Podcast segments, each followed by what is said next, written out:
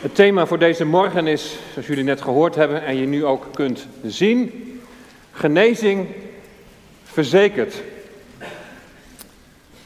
Dat is natuurlijk bedoeld als een uh, wat prikkelende stelling.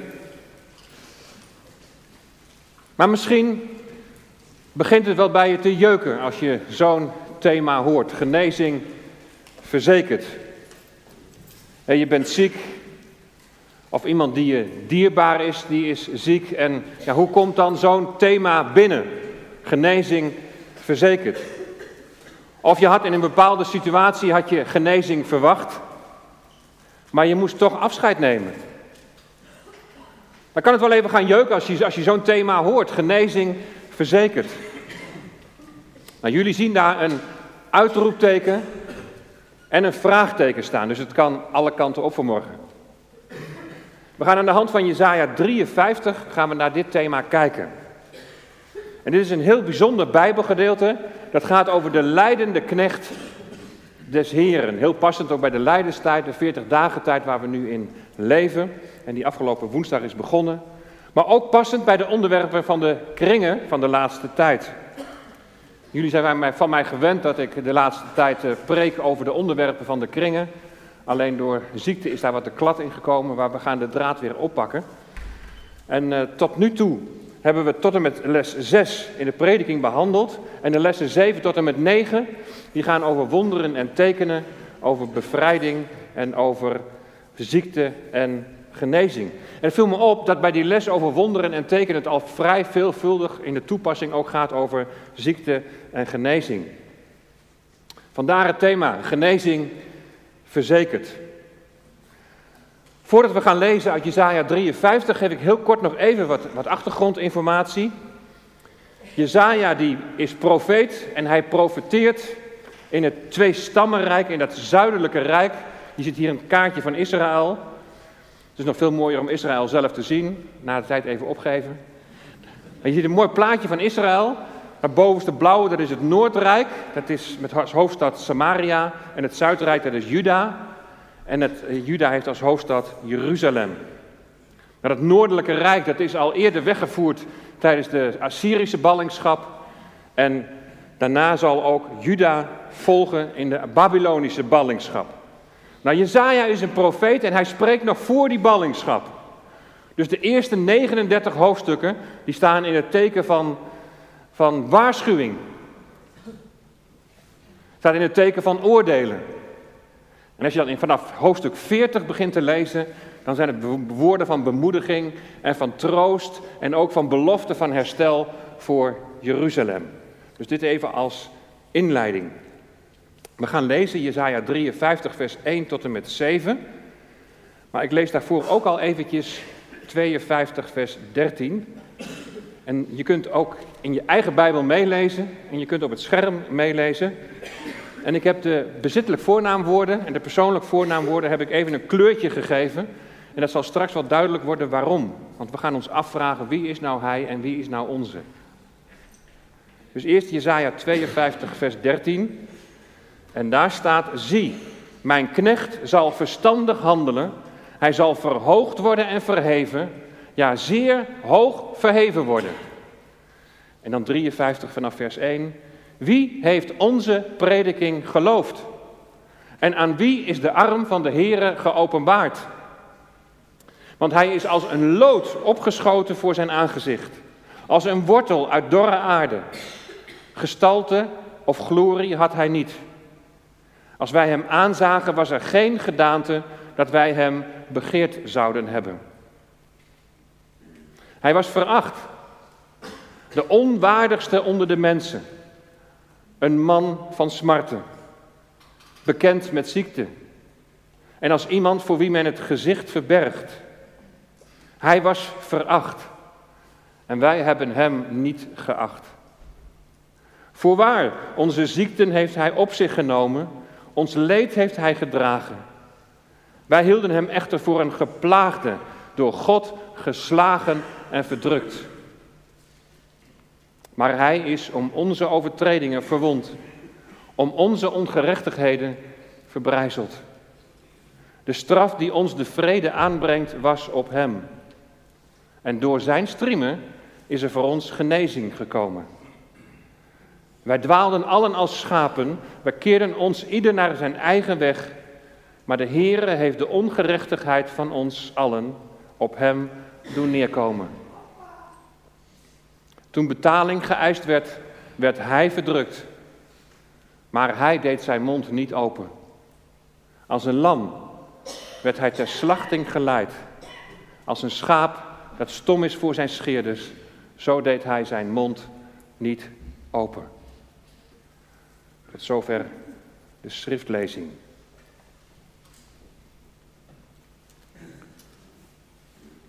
Onze ziekten heeft hij op zich genomen.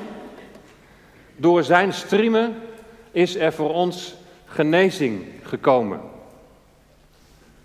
Misschien dat je deze teksten wel eens hebt gebruikt om met zieken te bidden en te pleiten op de belofte van genezing. Of is er op die wijze met jou gebeden? Nou, het mooie daarvan is dat je bidt met verwachting. Dat je bidt in geloof. Dat je bidt in vertrouwen. Dat bij God alles mogelijk is. En in dat geloof en in dat vertrouwen pleit je op Gods belofte. Op datgene wat Hij belooft in zijn woord. We hebben een lied in opwekking, volgens mij komt hij uit Johannes de Heer, dat zegt: Staand op de belofte van mijn Heer en God. Er zullen misschien mensen zijn die zeggen: Ja, maar dat klinkt zo, zo rechthebbend. Zo in de zin van: U hebt dit gezegd, dus ik heb hier recht op. Nou, dat is inderdaad wel heel sterk ik gericht. Maar draai het eens om. En probeer het eens even vanuit Gods perspectief te benaderen. Degene die de beloften heeft gedaan. Hij belooft je iets, hij geeft je iets, maar je doet er niets mee. Hoe teleurstellend zal dat zijn? Onze kleindochter die had een cadeautje voor ons toen ze kwam logeren. Twee eierdoppen. Had ze zelf versierd en had er zelf opa en oma opgeschreven. Een paar heerlijke paaseitjes erin. En het was prachtig ingepakt met van het cellofaan, met van die prachtige uh, gekleurde lintjes erbij. Dus we waren dat zo aan het observeren en zo aan het bekijken. Het was alleen al prachtig om te zien. Dus Karen die pakte het niet direct uit. Maar toen, toen keek ze onze kleindochter aan en toen zei ze van, uh, zal ik het nu uitpakken? Nou, je had het gezicht moeten zien. Ze straalde helemaal. Ja, oma, tuurlijk. Hoe kun je nou datgene waar zij zo druk mee is geweest, en hoe kun je die overheerlijke paaseitjes nou in de verpakking laten zitten? Als het dan gaat om Gods belofte, dan zeg je eigenlijk, ja dank u wel heer. Ziet u ze staan daar, nog prachtig ingepakt. En het is jammer om die verpakking eraf te halen. Of wilt u dat wij het uitpakken? Wat denkt u dat hij zal zeggen? Ik heb liever dat je mijn cadeaus in een museum tentoonstelt, om van tijd tot tijd het is prachtig te kunnen bekijken en te zien wat je allemaal hebt ontvangen. Claimen en, en, en recht hebben op, dat zijn termen die, die inderdaad in ik gericht zijn. Ik heb nergens recht op. Alles wat ik uit de hand van God ontvang, dat is genade. Maar dat betekent niet dat ik niet op zijn beloften sta. En dat ik zijn beloften naast me neerleg. Staand op de belofte, omdat het Gods verlangen is dat ik gebruik maak van wat Hij geeft. Wat ik wel moet onderscheiden, dat is of een belofte in Gods woord voor mij is. En wat die belofte dan precies inhoudt. Is hier in Jesaja 53 een belofte van genezing voor mij. Dat je, ziekte en genezing is zo'n gevoelig onderwerp. Er waren al mensen voor de tijd die maar al op dit onderwerp aanspraken en benieuwd waren van welke kant gaat dit op. Het is een heel gevoelig onderwerp, enerzijds omdat er heel verschillend over wordt gedacht. Het gaat van het ene uiterste, dat men zegt het is niet meer voor deze tijd dat God geneest, tot het andere uiterste dat mensen gezondheid claimen op grond van Gods belofte. Anderzijds is het een gevoelig onderwerp, omdat de een op gebed geneest en de andere niet. En de een die kan dat overlaten aan de soevereiniteit van God. Moeilijk woord, maar dat betekent eigenlijk dat wij, wij iets niet begrijpen. We begrijpen bijvoorbeeld niet waarom iemand niet genezen wordt. Maar we laten het aan de Heer over of hij iets wel of niet doet. Je kunt, je kunt dat overgeven. Maar een ander gaat daar weer heel anders mee om. Allerlei varianten heb ik daar wel in meegemaakt. Bijvoorbeeld dat er een overtuiging was dat een zuster zou genezen. En ze overlijdt toch. En haar man wijt dat aan de gemeente die nog niet genoeg geloof daarvoor had. En dat soort dingen worden soms ook tegen zieken gezegd. Met gevolg dat diepe wonden kunnen worden geslagen. En daarom is het belangrijk om, om dit onderwerp te behandelen, omdat je of pastoraal gezien mensen iets kunt onthouden. Je kunt als het ware, om het met een spreekwoord te zeggen, het kind met het badwater weggooien. Door, door gewoon niet meer te bidden voor genezing. Want je weet niet wat er gaat gebeuren, of je bent misschien onzeker. Of je kunt mensen door een verkeerde voorstelling van zaken de vernieling in helpen. Genezing verzekerd, staand op de belofte van mijn Heer en God. Degenen die verder gaan dan, dan alleen geloven dat bij God alles mogelijk is, dat God kan genezen, die, die zeggen dat genezing gegarandeerd is, of dat je in Christus al lichamelijke genezing hebt ontvangen, ook dat wordt geleerd, die beroepen zich vaak op Jezaja 53. Hij heeft onze ziekten op zich genomen, door zijn striemen is er voor ons genezing gekomen. Hij heeft onze ziekten op zich genomen en er wordt daar vaak ook nog een woordje bij gezegd, wat er niet staat, dat is het woordje kruis. Hij heeft onze ziekten op zich genomen aan het kruis. En ze beroepen zich op de tekst dat zijn striemen ons genezing is geworden. In zijn lijden en sterven zou dus naast verzoening lichamelijke genezing mee verzekerd zijn. Staand op de belofte van mijn Heer en God. En dan zeg ik Amen. Niet rechthebbend op, maar de vreugde van de Vader vervullend, dat wij datgene wat Hij geeft, dat we dat ook aannemen en uitpakken. En dan zeg ik ook Amen. Maar hoe zit het hier met die belofte? Wat bedoel je nou als je zegt dat Hij onze ziekten op zich genomen heeft? Nou, als je een profetie leest zoals deze, en dat geldt ook voor het lezen van de hele Bijbel, dan is het goed om niet klakkeloos maar termen en gedachten hierover van anderen over te nemen. Dus ook niet van mij. Je moet toetsen wat er gezegd wordt. Zoals de broeders en zusters in de stad Berea dagelijks de schriften onderzochten om, om te toetsen of het wel klopte wat de apostel Paulus zei. Wat ik vaak zie gebeuren, dat is dat we geneigd zijn om zo snel mogelijk zonder die toetsing naar de toepassing te gaan. En wat heb ik eraan en wat kan ik ermee in mijn dagelijks leven? En die toepassing die is ongelooflijk belangrijk. Maar daar gaan wel een hele, heel belangrijke stappen gaan daar aan vooraf. Als die stappen niet genomen worden, dan kun je met de toepassing ongelooflijk de mist ingaan en brokken maken. Ben je wel eens een trap naar beneden gelopen en dat je denkt, ik ben er. En dan is er toch nog één tree. En voordat je het weet, ga je plat op je mond. Pijnlijk. Zo is het ook met de treden naar de toepassing. Je moet er niet één overslaan. De cursisten van verantwoord Bijbelgebruik die hebben het OBT-principe hebben ze geleerd. Observeren, begrijpen en dan naar de toepassing. En dit zijn stappen waar je ook in de voorbereiding van de preek zo mee bezig bent. Observeren, dat is kijken naar de tekst. Wat valt je op? En dan begin je ook met de context. En dat betekent dat je gaat kijken wie heeft het Bijbelboek geschreven? Met welk doel? In welke tijd? Aan wie? En daarom gaf ik ook even wat informatie vooraf, voordat we Jezaja 53 gingen lezen.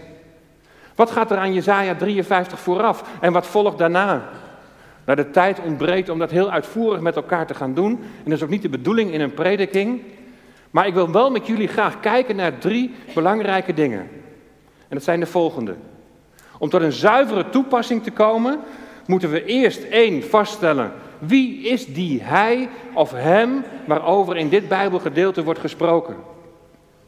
Ten tweede, wie is wij of ons of onze in dit Bijbelgedeelte?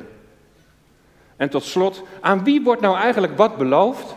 En dan komen we bij de toepassing voor vandaag. Wie is hij?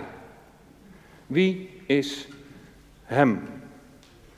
Wie is die knecht? Die knecht die verhoogd zal worden. dat eerste vers wat we lazen, 52 vers 13. We hebben het ook zo mooi gezongen net. Wij verhogen u, Heer Jezus. Wie is die knecht die verhoogd zal worden? Ja, zeer hoog verheven zal worden. Die als een lood opschiet voor onder Gods ogen en die als een wortel uitloopt in dorre grond. Maar dat klinkt nogal ingewikkeld. Maar dan komt het moment om naar de context te kijken. Naar de rest van het boek Jezaja. En dan is het ineens is het niet zo moeilijk meer, want, want Jezaja die gebruikt die begrippen lood en wortel al eerder voor de Messias, voor een omschrijving van de Messias in Jezaja 11. Als je daar gaat lezen, dan zie je dat er sprake is van een omgehakte boom. En die omgehakte boom is het koningshuis van David. En daar is niets van overgebleven. Het rijk is verdeeld. En straks zal ook Juda weggevoerd worden in ballingschap. Het is over en uit, de omgehakte boom. Maar uit die omgehakte boom zal een lood, dat is een klein takje, zal een twijgje opgroeien. Je ziet daar een plaatje van, een wortelscheut. Een lood uit de stam van Isaïe. Isaïe, de vader van David. Overdrachtelijk betekent lood, betekent nakomeling. Dus hij is een nakomeling van koning David. 17 keer wordt Jezus in het Nieuwe Testament zoon van David genoemd. En zoon van David is de benaming voor de Messias. Hij of hem is hier in dit Bijbelgedeelte in Jesaja 53 de Messias. Dan mag ik stiekem al even naar een stukje toepassing met jullie alleen wat dit vers betreft. Misschien is die omgehakte boom voor jou nu wel iets heel anders. Je weet het niet meer. Of je, je situatie is uitzichtloos. Kan er ooit nog weer een takje groeien en gaan bloeien? Hier zien we dat bij Jezus en met Jezus altijd een nieuw begin mogelijk is. Er schiet een heel klein twijgje op. Onze trompetboom, ik noem hem maar zo even, hij heeft volgens mij wel een andere naam officieel, maar die is net gekortwiekt. En als je dat ziet, dan denk je van, nou, ik zal nooit meer groene bladeren zien. En misschien dat jouw situatie op dit moment ook wel zo aanvoelt. En toch, zo meteen in het voorjaar, dan zal die weer in bloei staan. Als je ziet wat voor beeld van de komende Messias wordt geschetst in Jesaja 53, dan zie je dat hij geen gemakkelijke weg gaat. En een nieuw begin wil ook niet zeggen bij voorbaat dat je een gemakkelijke weg zult gaan. Hier volgt in Jesaja 53 een schilderij van de Messias. Het is een triest schilderij, een gruwelijke aanblik van een man die op allerlei mogelijke manieren wordt vernederd. Een man die met lijden en ziekte vertrouwd is. Zijn leven wordt niet beheerst door een zoveel mogelijk vermijden van het lijden, omdat het leven toch wel leuk moet zijn. Hij scoorde niet echt met zijn uiterlijk. Als je hem aankeek, dan, dan werd je daar niet direct enthousiast van. Geen good-looking, charismatische leider, die alleen om zijn uiterlijk en zijn charisma al vele volgelingen achter zich aankreeg. Integendeel, hij werd veracht. Door mensen gemeden, verguist, geminacht. Zou je in het voetspoor van zo'n man willen gaan?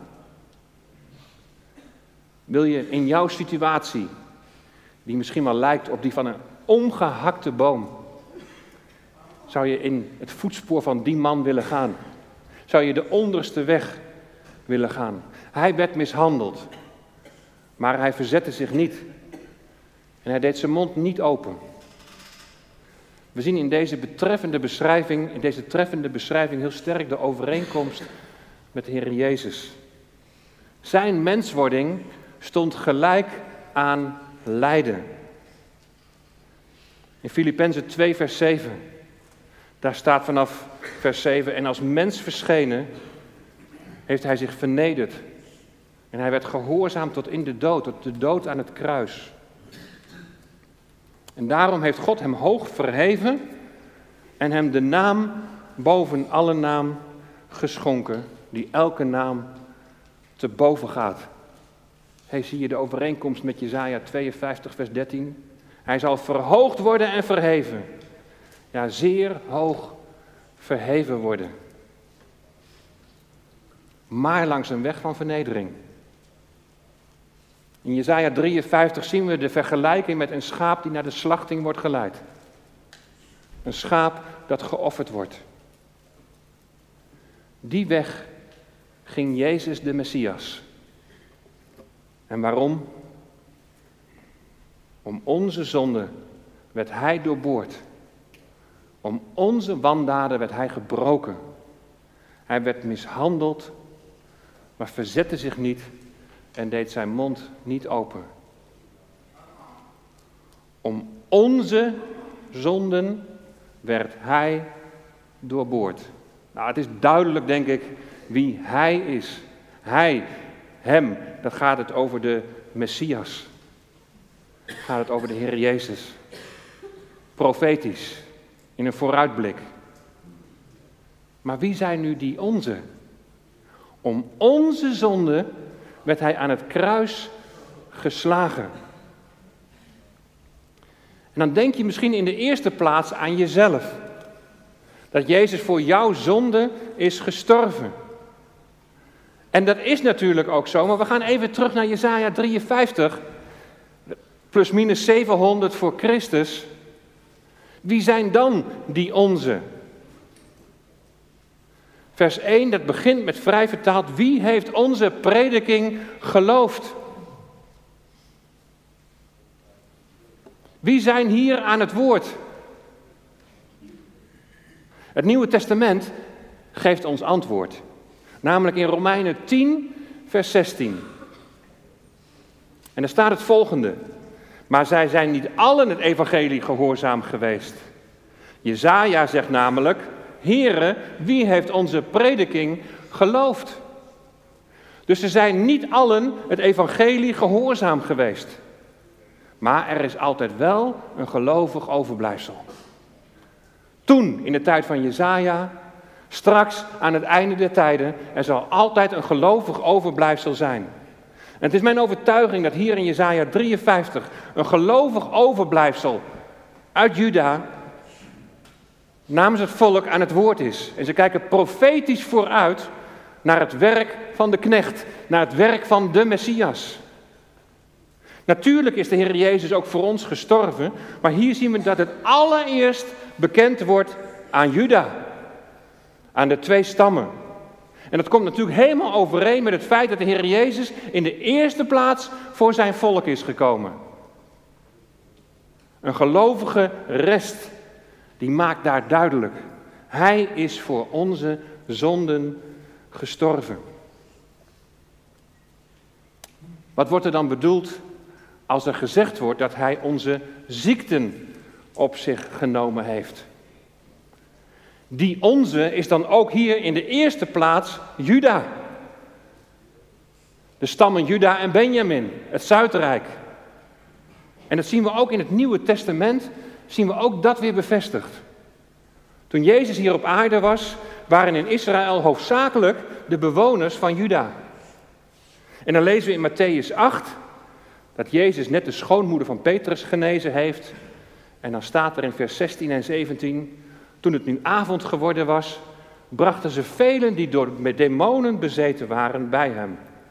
En hij dreef de boze geesten uit met een enkel woord. En hij genas allen die er slecht aan toe waren. Zodat vervuld werd wat gesproken was door de profeet Jezaja toen hij zei, hij heeft onze zwakheden op zich genomen en onze ziekten gedragen. Deze vervulling van het op zich nemen van ziekte is hier voor de kruisiging. Het is vervuld in de vele zieken die de Heer Jezus geneest. Om onze zonden werd hij doorboord, werd hij gekruisigd.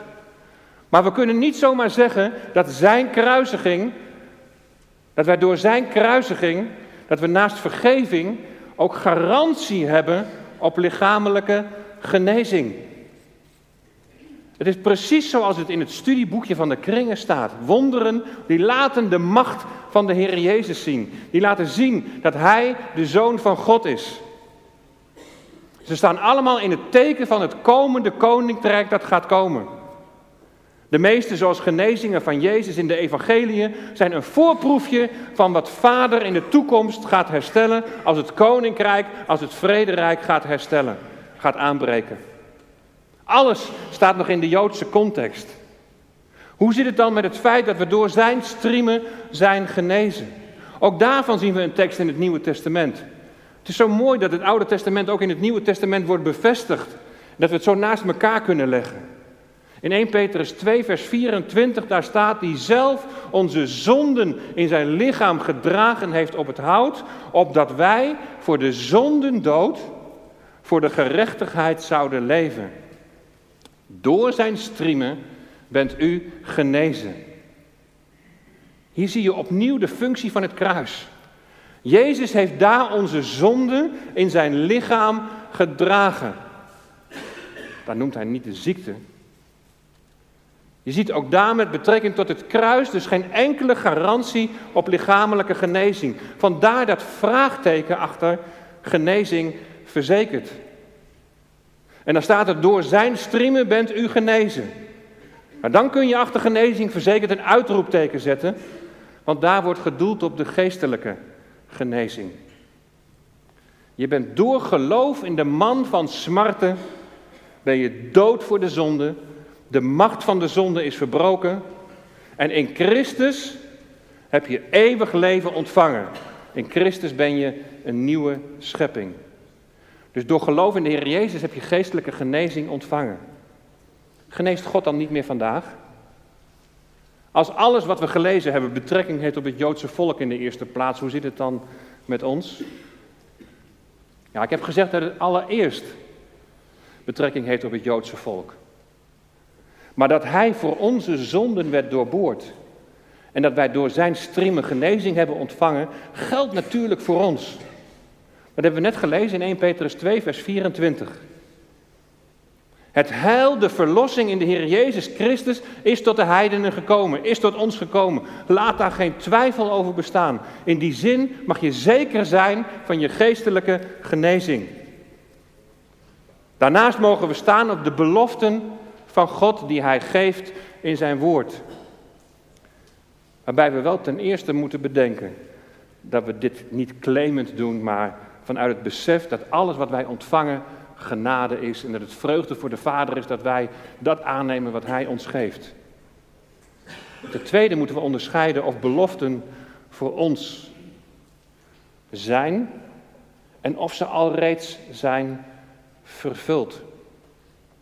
Zo is het onze ziekten is reeds vervuld en had betrekking op de vele mensen die de Heer Jezus genas. Maar geneest Jezus vandaag dan niet meer? En dan gaan we naar de toepassing. God geneest zeker ook vandaag. En ik zal de laatste zijn die dat ontkent, want ik heb het zelf gezien. Dat op gebed mensen genazen. Dat we voor mensen mochten bidden en dat er genezing kwam. God geneest zeker ook nog vandaag. En als iemand op gebed geneest, dan wordt al iets zichtbaar van het komende koninkrijk. Zoals Vader het bedoelt. We moeten dat niet omdraaien, wat ook wel gezegd wordt, dat wij Gods koninkrijk moeten vestigen door wonderen en tekenen te doen. Nee, wonderen en tekenen geven alvast een voorproefje van wat, van wat komen gaat. God zelf zal zijn koninkrijk vestigen als Jezus weerkomt en zijn voeten zullen staan op de olijfberg. Tot die tijd zou het gewoon en zou het vanzelfsprekend moeten zijn als iemand met een nood bij je komt of een nood met je deelt of iemand ziek is, dat je voor elkaar bidt. Het claimen laat je los. Maar je bidt wel in geloof dat bij God alles mogelijk is. En je laat de uitkomst rusten in Gods soevereiniteit. En soms zijn er situaties dat je op je hart krijgt om nog niet daarin te rusten, maar volhardend te bidden. God is niet een systeemgod van als wij dit maar doen, dan komt er dat. Of dat er, dat er vaste patronen zijn. Maar laten ons leiden door de Heilige Geest.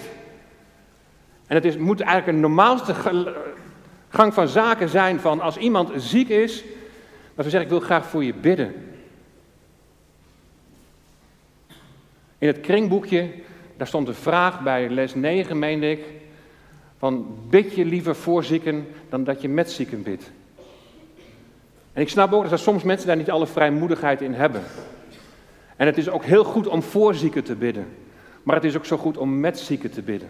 Jaren geleden, toen, uh, toen, toen vertelde ik in de gemeente dat ik zo'n last van mijn rug had. En de mensen gingen allemaal weg van, we zullen voor je bidden. En toen was ik in een kring van evangelische voorgangers. En ik deelde van, ik heb zo'n last van mijn rug. En ze bedachten zich geen moment en ze gingen in een kring om me heen staan. En ze legden me de handen op en zeiden, we zullen voor je bidden. Maar gewoon in alle eenvoud en in alle rust, niet claimend, maar heren, we doen wat u zegt in uw woord. U zegt dat we voor elkaar mogen bidden, dat we ook mogen vragen om genezing. En zo bidden we in geloof dat u bij machten bent om dit te doen. God geneest. Maar ik ben een beetje huiverig als we het zomaar gaan koppelen aan zo'n tekst als Hij heeft onze ziekte gedragen. Zie, het is gegarandeerd, dus we mogen het claimen. We hebben er recht op, we mogen staan op die belofte. Want daar zien we in het pastoraat ook heel veel misgaan. Dat mensen zo in de problemen komen. Want wat als iemand niet geneest? En we weten dat die situaties er zijn. We kunnen het niet van tevoren even vastleggen, dan wel genezing, dan niet. We laten, we laten het los en ik hoop dat we zo in een stukje ontspanning kunnen komen. Want anders zou je voor niemand meer durven te bidden. Want stel je voor dat. En waar, waar, ligt het dan aan? Ligt het dan aan mijn geloof of ligt het aan het geloof van de zieken? En dan krijg je soms allerlei dat soort discussies. Het is zo belangrijk dat we in alle rust een ongezonde druk wegnemen. Dat iets wat beloofd is niet zou gebeuren. Maar je brengt het bidden voor de zieken breng je wel in praktijk. Nou, vorige week toen ging het over verbinding, over koinonia, over gemeenschap. Nou, dit is nou een heel mooi voorbeeld daarvan. Het centrum van die verticale en die horizontale verbinding, het centrum daarvan is het bidden voor elkaar. Want daar komt het allemaal samen. Want daar is het die relatie met de vader, met de zoon. En van daaruit die relatie met elkaar. Samen God bidden. Dit is zo'n mooi voorbeeld van die verbinding. Neem de vrijmoedigheid om voor elkaar te bidden. In de kringen, na iedere samenkomst is de mogelijkheid. Als je iemand bezoekt die ziek is, en leg geen druk door gezondheid te claimen, maar bid samen in geloof. En zie uit naar wat God doet. En laat het bij Hem. Hij weet wat hij doet. En dan snappen we het niet altijd. En dan begrijpen we het niet altijd helemaal. Maar kunnen we het loslaten omdat we gewoon rusten in de, in de zekerheid dat God almachtig is en dat Hij alles in zijn hand heeft. Ook al zit je misschien in die situatie van die omgehakte boom. Dat je zegt, Heer, hoe, hoe? Ik weet het niet meer. Maar dat we mogen rusten in zijn vrede, mogen rusten in zijn trouw.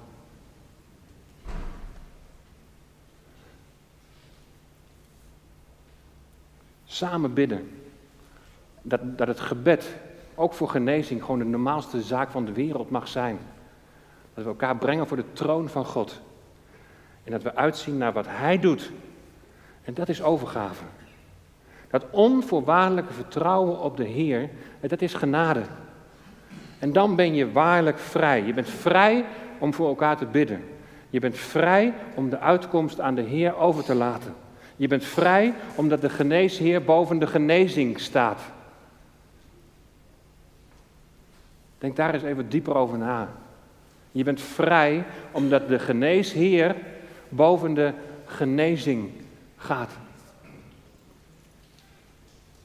Hou je oog op Hem gericht. Jezus, de leidsman en de voleinder van je geloof. Amen. We gaan samen zingen. U bent welkom, wij zijn welkom aan de tafel.